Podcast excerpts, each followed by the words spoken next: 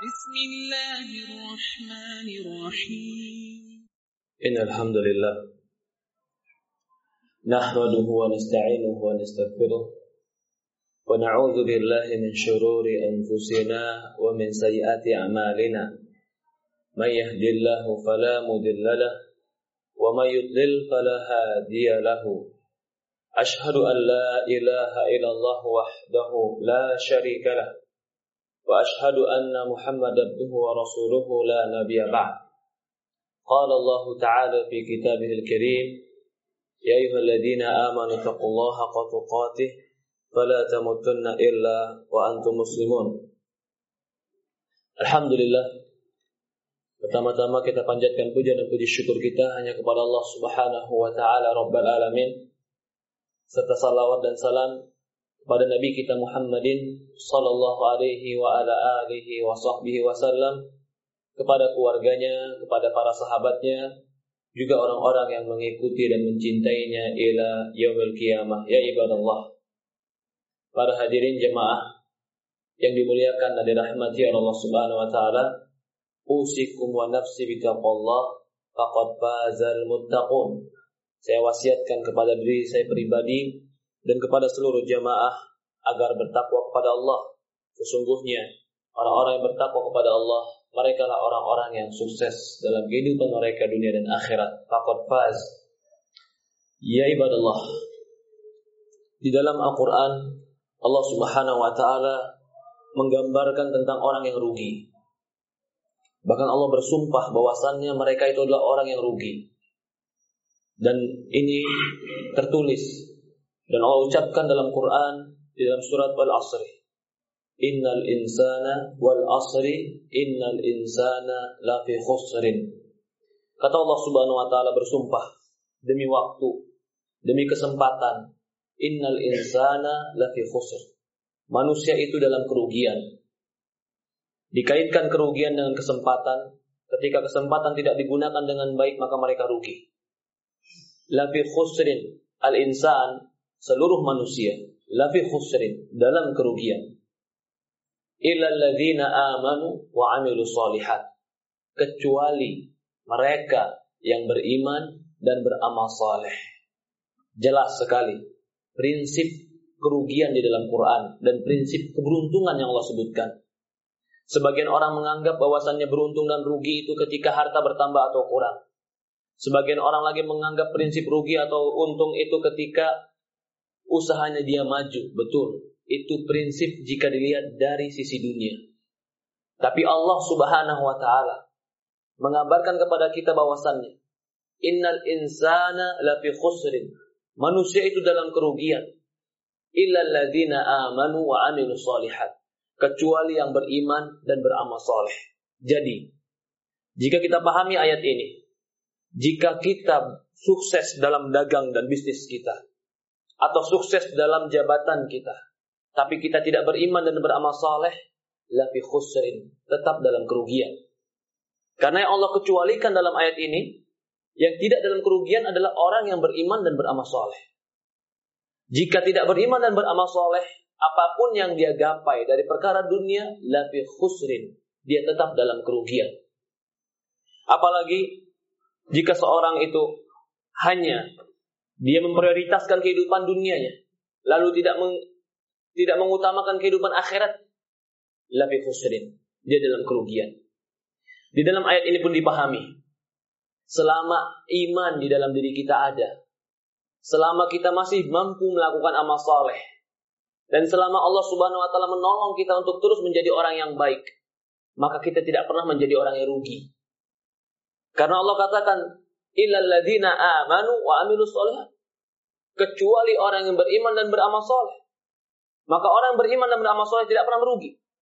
Walaupun mungkin dunianya tidak mendapatkan sebagaimana didapatkan oleh orang-orang yang lebih dari dia. Tapi konsep kerugian dan keuntungan adalah pada iman dan amal soleh. Bagi mereka yang bagi mereka yang memanfaatkan kesempatan hidupnya untuk beriman dan beramal soleh, mereka tidak akan pernah merugi di akhirat mereka. Bagi mereka yang tidak menggunakan kesempatan hidup mereka dengan iman dan amal soleh, seberapa besar pun keuntungan dan kebesaran bahkan kesuksesan dunia yang dia dapatkan, jika tidak beriman dan beramal soleh, lafi khusrin, tetap nanti di akhirat dia kerugian. Dia akan menyesal dengan penyesalan yang sangat dalam. Bahkan dia akan mengatakan, Ya laitani kuntu turaba. Bahkan dia nanti akan mengatakan, Ya laitani, seandainya aku dahulu cuman sebutir tanah. Dia berangan-angan tidak menjadi manusia. Ya ibadallah. Di dalam sebuah hadis riwayat Muslim, ada seorang sahabat bertanya kepada Rasulullah SAW, Ya Rasulullah, Uli fil islami qawlan la as'alu ghairaka ahadan.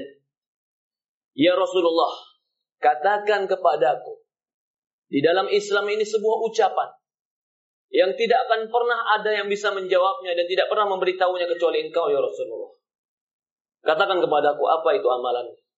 Maka Rasulullah mengatakan, Kul amantu billahi tsumastaqim. Kata Rasulullah SAW, katakanlah, Amantu billah, aku beriman kepada Allah. Summastaqim. Kemudian engkau istiqomah. Terus dalam keimananmu. Komitmen terus dalam amal soleh dan kebaikan. Barang siapa yang mengatakan Allah, lalu beriman kepada Allah. Lalu dia komitmen dalam kebaikan dan terus di atas kebaikan ini. Terus menerus istiqomah di atas kebaikan ini. Maka Rasul mengatakan itulah kalimat yang terbaik dan itulah amal yang terbaik.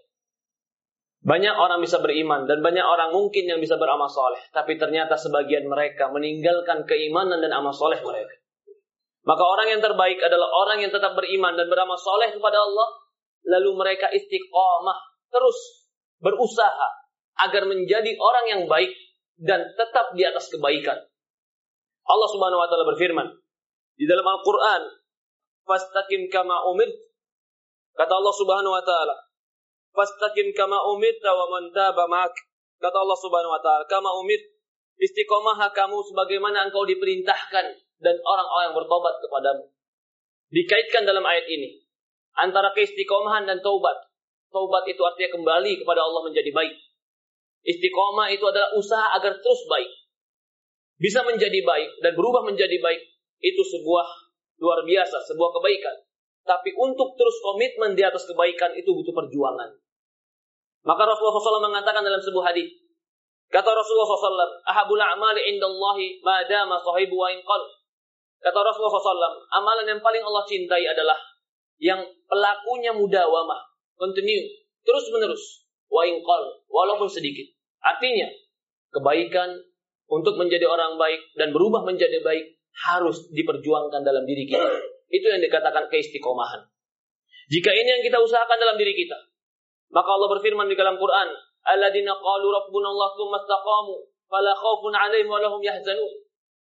Kata Allah Subhanahu wa taala, adapun orang-orang mengatakan kami beriman kepada Allah, kemudian istiqomah. Komitmen terus dalam kebaikan itu. Fala khaufun 'alaihim wa lahum yahzanun. Allah akan hilangkan dari diri dia ketakutan dan Allah akan hilangkan dari dia kesedihan. Takut itu dengan yang akan datang, sedih dengan yang telah berlalu. Orang yang istiqomah, dia tidak akan pernah takut dengan yang akan datang. Allah akan tenangkan dirinya. Allah akan jadikan dirinya tenang dan tumaninah, sakinah. Adapun yang telah berlalu, dia tidak akan pernah sedih. Hidupnya menjadi tenang. Pikirannya menjadi tenang. Fala khaufun alaihim walau yahzanun. Mereka tidak akan pernah merasa takut dan mereka tidak akan pernah sedih.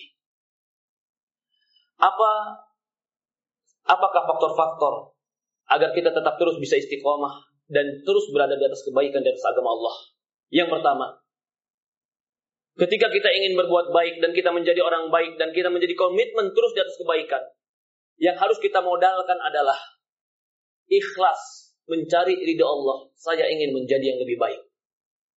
Bukan menjadi baik karena penilaian manusia. Bukan menjadi baik karena inginkan dunia. Bukan menjadi baik karena faktor-faktor yang lain. Tapi faktor yang terbesar adalah aku ingin mendekatkan diri kepada Allah. Kapan lagi waktunya? Jika kita telah diberikan waktu hidup ini, sudah berusia 40 tahun diberikan hidup oleh Allah. Sebagian kita mungkin telah diberikan usia 50 tahun hidup oleh Allah. Atau lebih kurang daripada itu. Sudah diberikan kesempatan yang lama.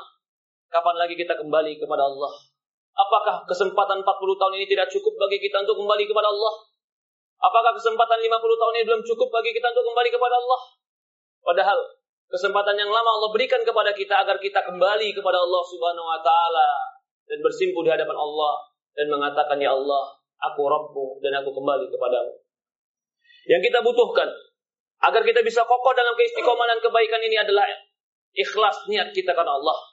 Wa ma umiru illa liya'budullaha mukhlishina lahuddin.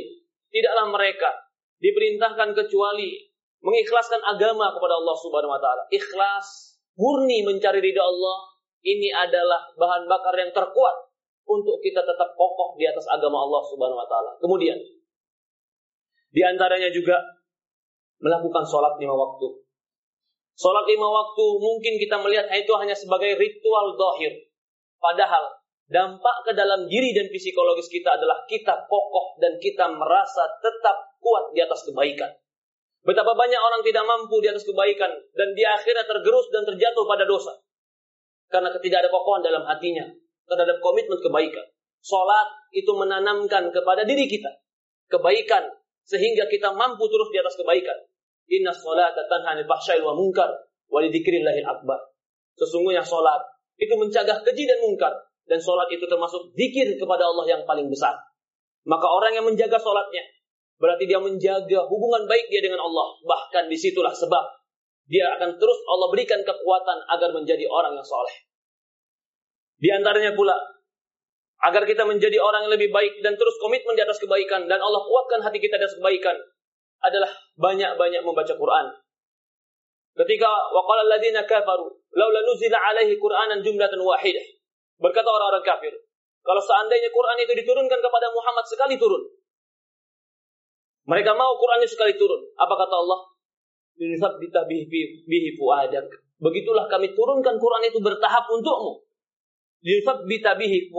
Agar kami kokohkan dengan Quran itu hatimu.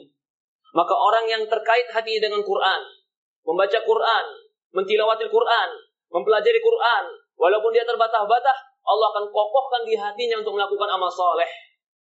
Bahkan Allah Subhanahu wa taala akan jadikan Quran pemberi syafaat bagi dia di yaumul kiamah. Di antara amalan yang bisa menyebabkan kita tetap terus kokoh di atas kebaikan dan amal soleh adalah berusaha melakukan apa pun ilmu yang kita tahu dari perkara agama. Ilmu yang kita tahu dari Quran, Allah Subhanahu wa taala berfirman, "Walau annahum fa'alu ma bih, lakana khairul lahum wa ashaddu tathbita." Kata Allah Subhanahu wa taala, kalau seandainya mereka melakukan apa-apa yang Allah nasihatkan untuk mereka, maka Allah katakan lakana khairul lahum. Tentu itu baik bagi mereka. Wa ashaddu tathbitan. Tentu itu lebih mengokohkan hati mereka. Ya ibadallah. Para hadirin jamaah salat Jumat yang dimuliakan dan dirahmati Allah Subhanahu wa taala. Hati kita lemah hati kita berbolak-balik, hati kita terkadang kuat, terkadang lemah. Kalau bukan Allah yang menguatkannya, kalau bukan karena Allah yang menolongnya, maka tentu kita terkadang mengikuti nafsu kita. Maka keistiqomahan, terus komitmen di atas kebaikan, itu butuh diperjuangkan. Membaca Quran, ikhlas kepada Allah, dan melakukan sholat, juga melakukan apa-apa yang kita pahami dari Quran dan hadis. Ini sebab kita kokoh di atas agama Allah Subhanahu wa taala. Barakallahu wa fil Qur'anil Karim wa nafa'ani wa iyyakum bima fihi minal ayati wa dzikril hakim wa taqabbalallahu minni wa minkum tilawatuh wastaghfiru innahu huwal ghafurur rahim.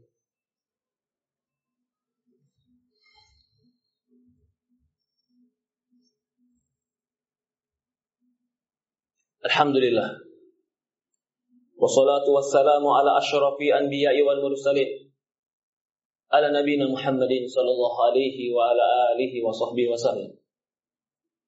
Adakah cita-cita yang tertinggi bagi seorang beriman kepada akhirat selain akhirat? Tidak ada lain.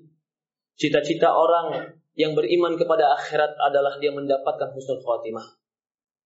Jika ada di hati seorang muslim, cita-cita tertingginya selain surga, maka cita-cita setinggi apa pun itu yang dia miliki, maka kata keadaannya adalah rendah. Jika seorang muslim masih ada cita-cita tertingginya adalah selain Allah, maka dia belum mengerti hakikat kehidupan. Jika seorang muslim keinginan tertingginya adalah bukan akhirat dan bukan bertemu dengan Allah, maka dia adalah orang-orang yang tertipu. Wa hayatid dunya. Mereka telah tertipu dengan kehidupan dunia. Bagi orang muslim, kecita-cita tertinggi, keinginan yang tertinggi Bahkan dari puncak dari keinginan dia yang dia usahakan dalam dirinya adalah mendapatkan ridha Allah dan dimasukkan dalam surga Allah Subhanahu wa taala. Karena itulah tempat yang tertinggi yang Allah sediakan bagi seorang muslim. Bukan berarti kita katakan tidak boleh memiliki cita-cita dunia. Boleh. Tapi cita-cita dunia kita jangan pernah mengalahkan cita-cita akhirat kita. Di antara faktor yang bisa menguatkan kita tetap kokoh di atas kebenaran. Yang di antara faktor yang bisa membuat kita kokoh di atas agama Allah. Dan ini termasuk faktor yang terpenting adalah berdoa kepada Allah. Seorang menganggap menganggap itulah perkara yang ringan, padahal doa itu adalah perkara yang terbesar. Jangankan kita. Para Nabi alaihissalam berdoa kepada Allah, Rabbana la tuzigh qulubana ba'da hadaitana ya Rabb kami. La tuzigh qulubana. Jangan kau gelincirkan hati kami ba'da hadaitana setelah engkau berikan kami hidayah. Nabi berdoa kepada Allah di dalam Quran diabadikan bahwasannya berdoa kepada Allah agar hatinya dikokohkan dan jangan digelincirkan. Seandainya Nabi yang amalannya luar biasa, yang imannya luar biasa, yang ketakwaannya tidak ada manusia yang lebih takwa dari dia, tetap berdoa kepada Allah agar dikokohkan hatinya. Ya muqallibal qulub, tsabbit qalbi ala dinika wa tsabbit qalbi ala ta'atik. Bahkan Rasulullah berdoa, wahai Allah yang membolak-balikkan hatiku, kokohkan hatiku di atas agamamu, kokohkan hatiku di atas ketaatan kepadamu. Maka kita tentu harus lebih lagi banyak berdoa. Karena kita bukan nabi, karena kita lebih lemah, karena kita sangat butuh kepada Allah Subhanahu wa taala. Para hadirin, jamaah salat Jumat yang dimuliakan dan dirahmati Allah Subhanahu wa taala. Salah satu yang kita perjuangkan dalam hidup kita adalah terus tetap menjadi orang baik di atas agama Allah dan itu harus diperjuangkan. Salah satu cita-cita dalam hidup kita adalah dalam keadaan baik meninggal dalam husnul khatimah. Semoga Allah Subhanahu wa taala rahmati kita. Semoga Allah Subhanahu wa taala ampuni dosa-dosa kita. Semoga Allah Subhanahu wa taala berikan kita kekuatan untuk menjadi yang lebih baik. Semoga Allah Subhanahu wa taala memberikan kita kekuatan untuk bisa beramal saleh. Semoga Allah Subhanahu wa taala memberikan kita rizki husnul khatimah. Allahumma shalli ala Muhammad wa ala Muhammad kama shallaita Ibrahim ala Ibrahim innaka Hamidul Majid.